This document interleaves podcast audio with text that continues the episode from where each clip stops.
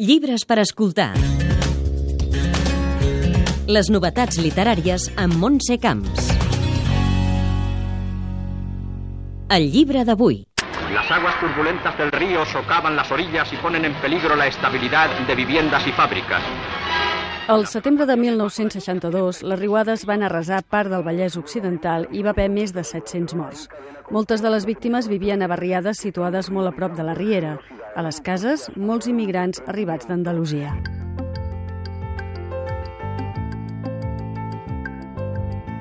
La novel·la La filla de la tempesta de Santi Baró recull aquells fets a través de la història de la Mariana, una noia cordobesa que arriba a Terrassa amb tota la família per buscar un futur millor.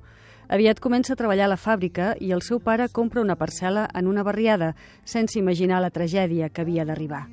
Per Baró, nascut a Terrassa, tot i que sempre ha viscut a Olesa, era una història que havia d'escriure tard o d'hora.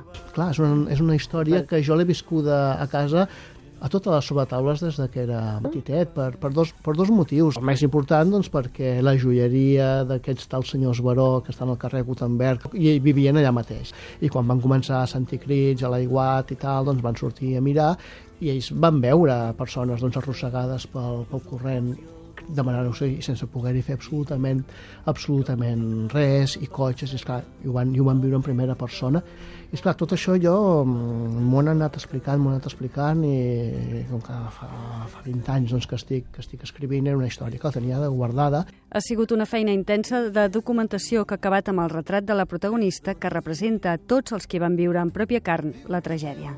Ell és un prototip de gairebé 50 persones que he entrevistat per documentar-me de la, per la novel·la i entre totes aquestes 50 persones he omplert la maleta de la Mariana i la Mariana les representa, les representa totes.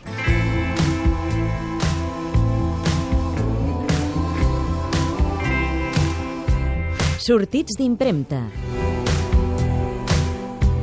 Després de l'èxit de la seva primera novel·la, Un secret de l'Empordà, Imma Tovella publica A cavall del vent. Explica la història de la princesa asteca Xipahuatzin, que el 1528 va arribar a territori català com a regal de l'últim rei asteca, el baró de Toloriu. D'aquell fet se'n sap ben poc i l'autora, que ve de l'àmbit de la investigació acadèmica, ha llegit una setantena de llibres i s'ha documentat durant un any.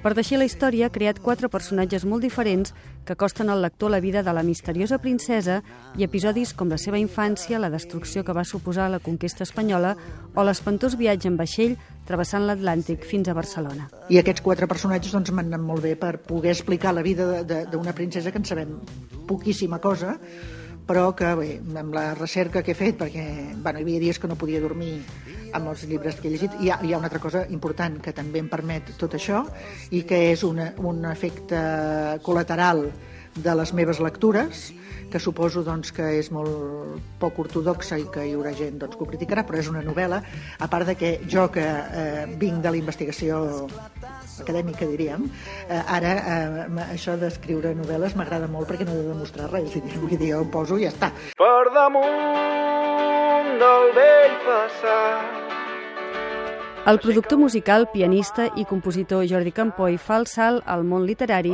i publica la seva primera novel·la, La noia del violoncel. És una història d'intriga que arrenca amb una jove violoncel·lista de la London Symphony Orchestra que es diu Anne, a qui li roben la funda del violoncel. Per això n'ha de fer servir una de vella que creia que era de la seva família i hi descobreix un objecte desconegut. Aquesta troballa inesperada la porta a estirar el fil per descobrir-ne els orígens, que estan lligats a la Barcelona dels anys 60 i 70, i un nen que vol tocar el violoncel. Una obra que, segons l'autor, parla d'un tema, l'atzar.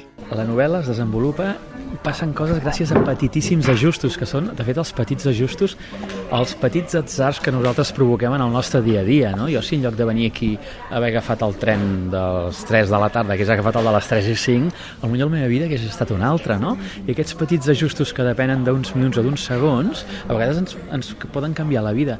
Doncs eh, la novel·la tracta sobre l'atzar, no? I sobre els girs que, pot, eh, que es pot trobar la partitura de la nostra vida, no? L'escriptor té l'última paraula. No vull conversar mai amb un home que hagi escrit més que llegit. Samuel Johnson. Llibres per escoltar.